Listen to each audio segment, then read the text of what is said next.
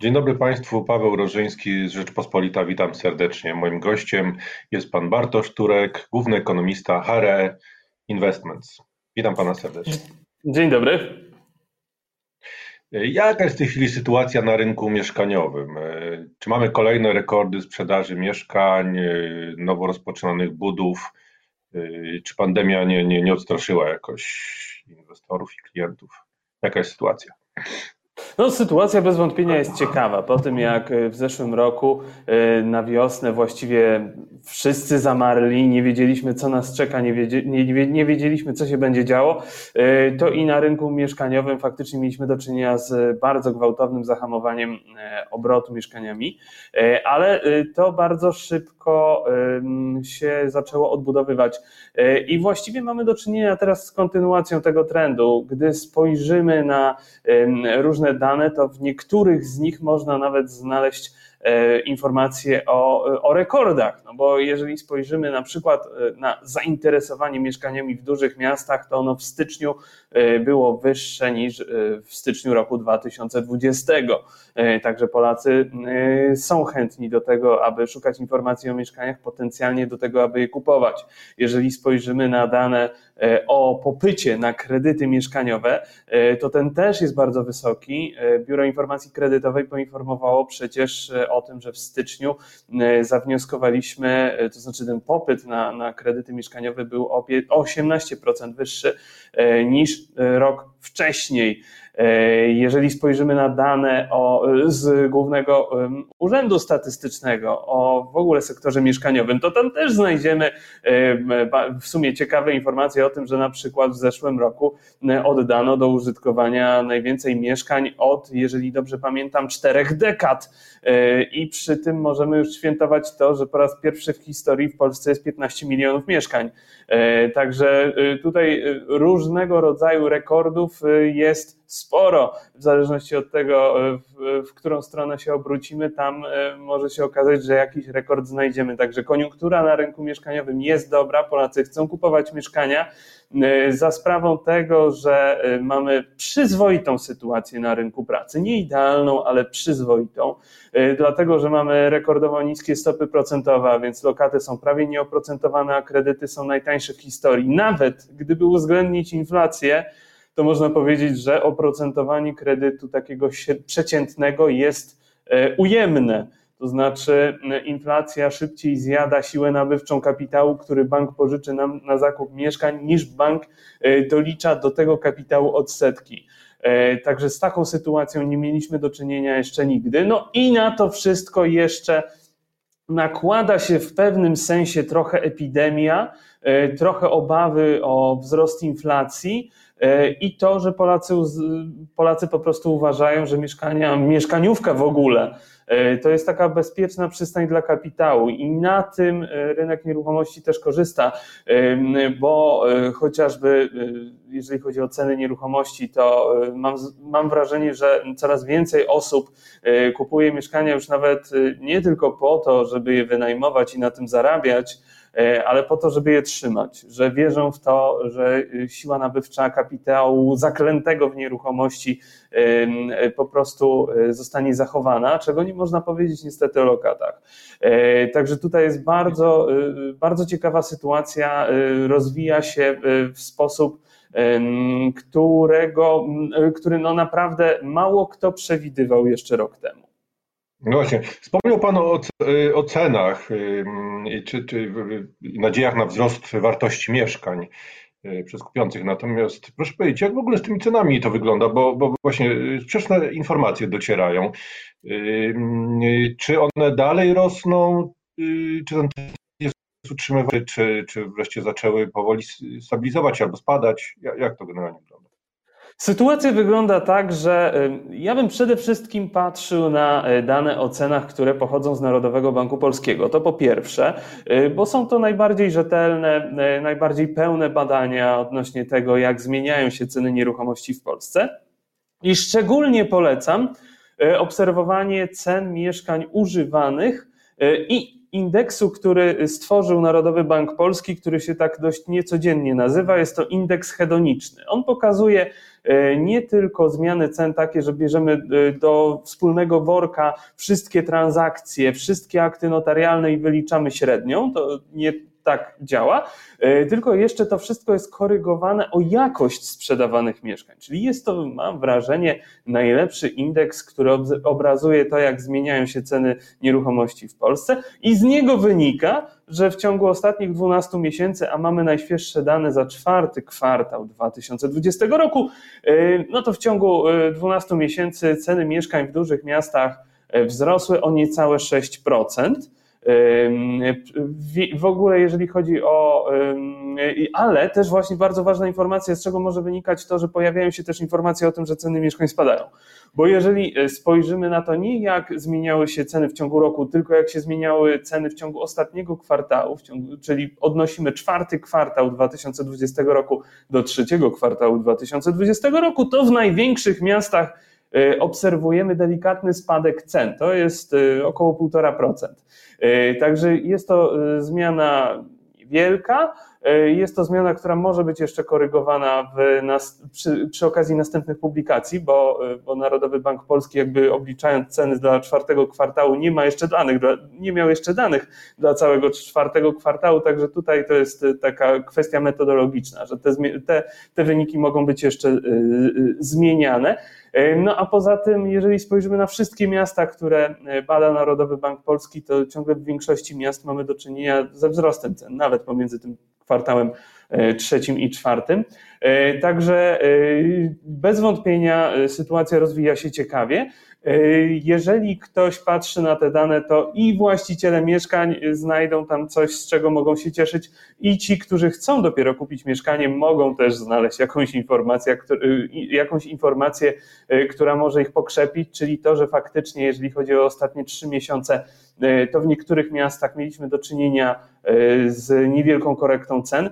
Ja mam wrażenie, że kontynuacja tej korekty jest raczej w bieżącym roku, jeżeli weźmiemy pod uwagę cały 2021 rok, raczej mało prawdopodobna. To znaczy, Oczywiście, jeżeli epidemia nam nie odpuści, jeżeli będziemy mieli kolejne restrykcje, jeżeli e, gospodarka e, faktycznie e, nie dostanie takiego prorozwojowego kopa na wiosnę, to faktycznie też może sytuacja na rynku, mm, na rynku nieruchomości rozwijać się no, nie najlepiej.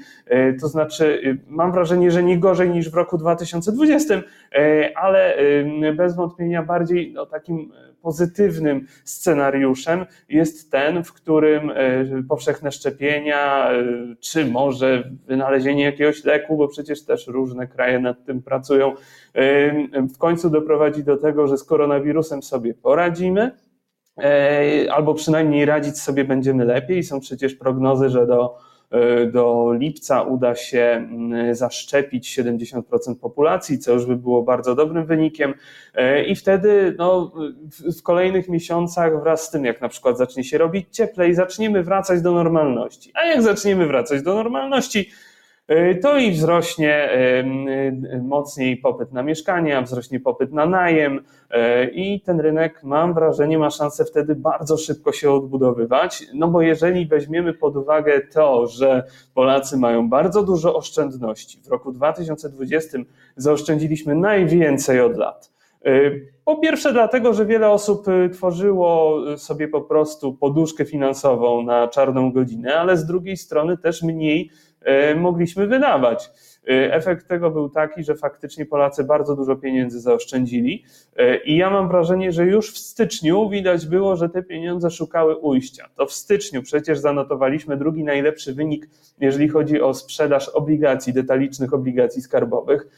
Najlepszy wynik, jeżeli chodzi o napływy do funduszy inwestycyjnych, przy czym głównie bezpiecznych funduszy inwestycyjnych od 2007 roku.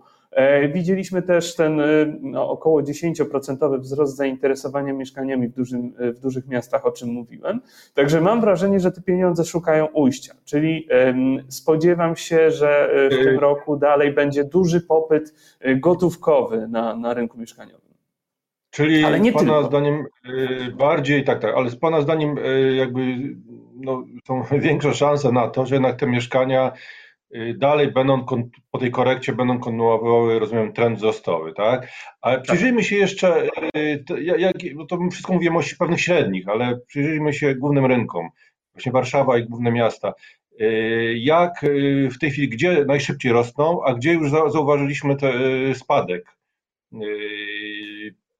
Jak to, jak to wygląda? No jeżeli weźmiemy pod uwagę dane roczne, to jedynym miastem, e, w którym mamy e, roczny spadek cen jest Opole. Ale na przykład w, w Poznaniu czy w Katowicach indeks hedoniczny pokazuje ponad 10% wzrosty cen. Także tutaj sytuacja jest mocno zróżnicowana. Też trzeba wziąć pod uwagę, że w ogóle te dane Narodowego Banku Polskiego, pomimo tego, że są najlepsze, możliwe, dostępne na rynku, E, to i tak, jeżeli chodzi o mniejsze rynki, e, czasami mamy do czynienia z wynikami trochę przypadkowymi. E, także ja lubię patrzeć na ten agregat, który bierze pod uwagę siedem największych rynków. I on pokazuje wzrost cen rok do roku o niecałe 6%. Także to jest, mam wrażenie, o tyle dobry wynik, E, że jeszcze na koniec, e, e, dane na koniec grudnia pokazywały, że nasze wynagrodzenia w tym czasie rosły szybciej niż ceny mieszkań, a to jest bardzo ważne. To, że w ogóle, bo przed epidemią mieliśmy taką sytuację, że ceny mieszkań rosły nawet dwa razy szybciej niż nasze pensje. E, I to na dłuższą metę byłby, e, to byłaby zła sytuacja, gdyby to się tak e, utrzymywało. Jeżeli faktycznie ceny nieruchomości będą rosły na poziomie, powiedzmy, wzrostu wynagrodzeń albo trochę wolniej niż wzrost wynagrodzeń, to też mam wrażenie, że to bardzo dobra byłaby sytuacja do takiego długoterminowego, dla takiej długoterminowej stabilizacji na rynku mieszkaniowym. Ale też mam wrażenie, że. Jakby pan mógł mi odpowiedzieć na pytanie, jak wygląda sytuacja w Warszawie, bo to jest największy rynek. W Warszawie tutaj... Y, ceny w ciągu roku wzrosły o 3%. Średnia cena transakcyjna w przypadku mieszkań używanych to już jest trochę ponad 10 tysięcy złotych. Y, także przebiliśmy tą, tą barierę. Rozumiem. A jakbyśmy patrzyli tak na um, ostatnie miesiące właśnie, bo patrzenie w skali roku może być trochę mylące. Ostatnie miesiące, i tutaj Pan wspomniał, że, że doszło do tej korekty, to gdzie ona była najgłębsza? Właśnie w Warszawie czy... Och, proszę mi wybaczyć, ale takich danych nie przygotowałem. To znaczy nie, nie mam akurat przed sobą no. tabelki, a y, aż tak dobrej pamięci nie mam, żeby zapamiętać dla 16 y, miast zmiany cen. Oczywiście. A popatrzmy w takim razie mm, y, na taką jeszcze kwestię. Czy, bo zawsze, bo zawsze mamy ten rozdziew między cenami ofertowymi, a tymi już wynegocjowanymi? Czy on, on, czy on się powiększa? Czy jest przynajmniej teraz taka sytuacja, w związku z chociażby z tą korektą, że możemy więcej wynegocjować niż, niż wcześniej? Podczas, podczas Faktycznie jest tak, że Faktycznie jest tak, że mamy do czynienia z taką sytuacją, w której e, mamy wysokie wymagania e, cenowe ze strony sprzedających, to znaczy sprzedający E, oferują swoje mieszkania w wysokich cenach, a kupujący kupują e, w znacznie niższych. Jeżeli weźmiemy pod uwagę e, tych siedem największych rynków, to średnia cena ofertowa jest o ponad półtora tysiąca złotych wyższa niż średnia cena transakcyjna. I to jest bardzo wysoki wynik na tle historycznym. Bardzo rzadko mieliśmy do czynienia z aż takim, aż, aż takim rozstrzałem pomiędzy cenami ofertowymi i transakcyjnymi E, I e, przeważnie to w konsekwencji prowadziło do wzrostów cen. Tym razem nie spodziewam się, aby to były e, dynamiczne wzrosty cen. Mam wrażenie, że mamy tutaj splot kilku czynników. Po pierwsze, po pierwsze, Polacy przede wszystkim kupują mieszkania używane, przynajmniej tu mówimy o używanych, kupują tańsze. W związku z tym cena transakcyjna E, średnia cena transakcyjna jest znacznie, znacznie niższa, a w ofercie zalegają mieszkania o wyższym standardzie, e, które, e, które ciężej sprzedać i które zawyżają średnią cenę ofertową. Także mamy tutaj faktycznie do czynienia z dużym rozstrzałem, ale ja bym tego nie w żaden sposób, w żadnym wypadku nie utożsamiał z tym, E, że e, idąc e, do sprzedającego można wynegocjować te półtora tysiąca, o których mówiłem. To tak nie działa. taka średnia negocjacja to jest cały czas około no, kilka procent.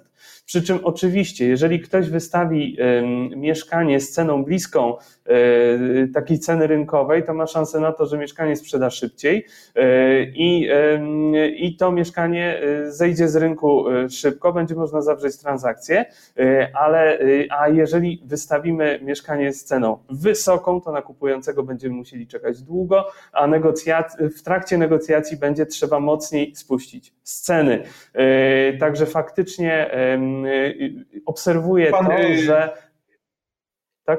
Wzrost, nie boi się Pan wzrostu inflacji i tego, że y, znowu lokaty mogą stać się atrakcyjne, że mm, pojawią się inne miejsca, gdzie ludzie będą lokować rzeczywiście pieniądze i y, raczej Pan optymistą z tego, co wnioskuję. Natomiast to znaczy, mm, wie pan, no mamy, mamy, na przykład, wzrośnie... mamy problem z najmem, mamy, mamy rynku najmu i czy to jednak nie uderzy w, w ten rynek nowo rozpoczynane budowy chociażby.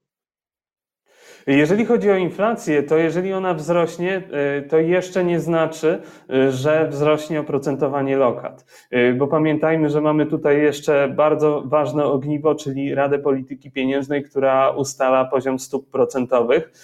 I no, ostatni czas wcale nie pokazał, że wzrost inflacji przekładać się będzie wprost na wzrost stóp procentowych.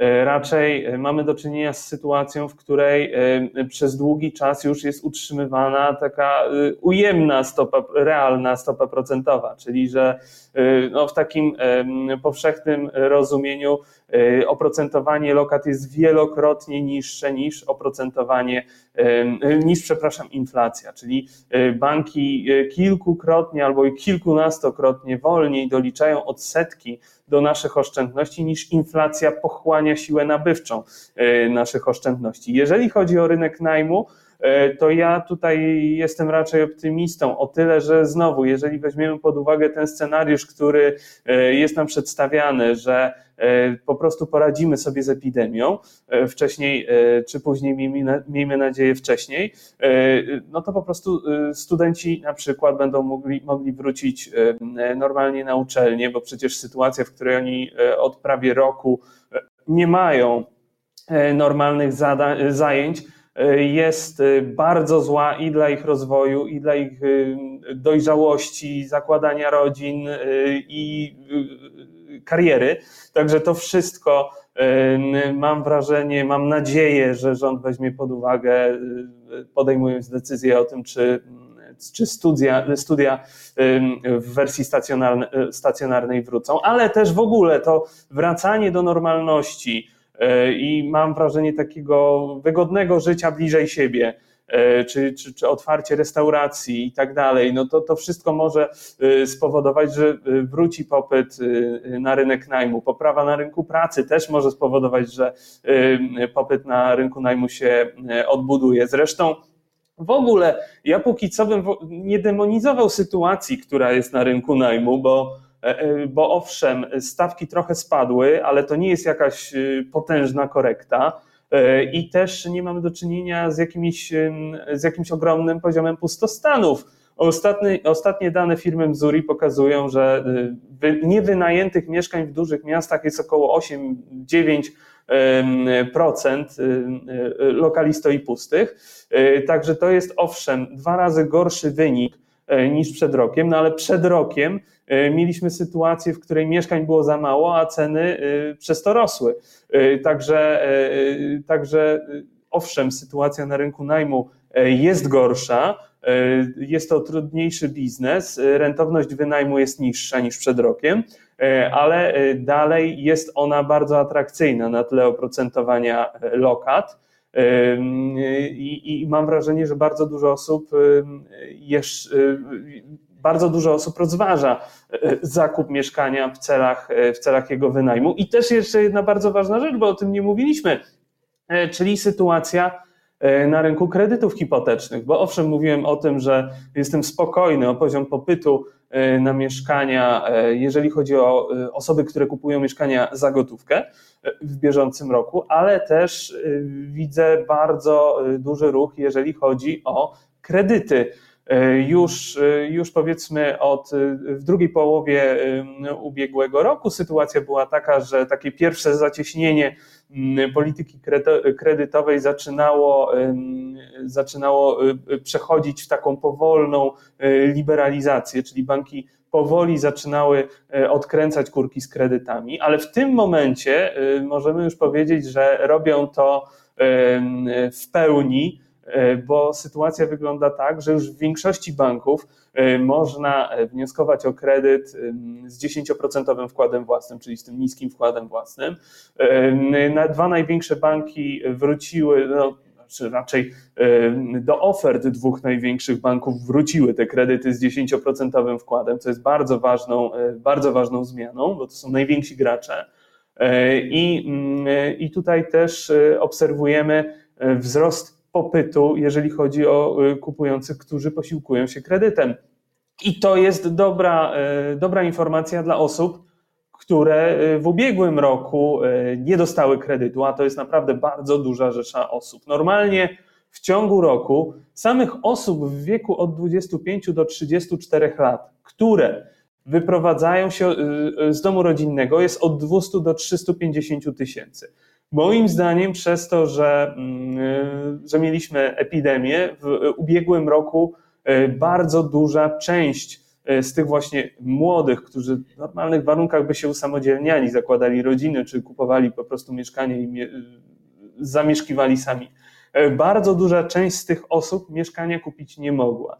E, dla nich oczywiście dwa rozwiązania to był albo rynek najmu, albo pozostanie w domach rodzinnych i mam wrażenie, że tutaj mamy bardzo duży taki rezerwuar osób, które w tym roku E, gdy ta pozytywna, e, ten pozytywny scenariusz e, będzie miał miejsce, czyli będziemy wychodzić z epidemii, gospodarka się zacznie rozkręcać, co będzie miało pozytywny wpływ na rynek pracy, no to i te osoby znowu pójdą do banków i będą chciały zaciągnąć kredyt na mieszkanie. O kredyt łatwiej, coraz chętniej kredyty bierzemy. To jest bardzo dobry Y, sygnał y, dla rynku nieruchomości, który jest dalej rozgrzany mimo tej korekty. Ale też y, jeszcze jedna rzecz. I na tym musimy skończyć, bo już czas, czas nasz mija. Bardzo dziękuję. Bardzo dziękuję za moim gościem był pan Bartosz Turek, główny analityk HRE Investment. Dziękuję bardzo panu. Dziękuję serdecznie.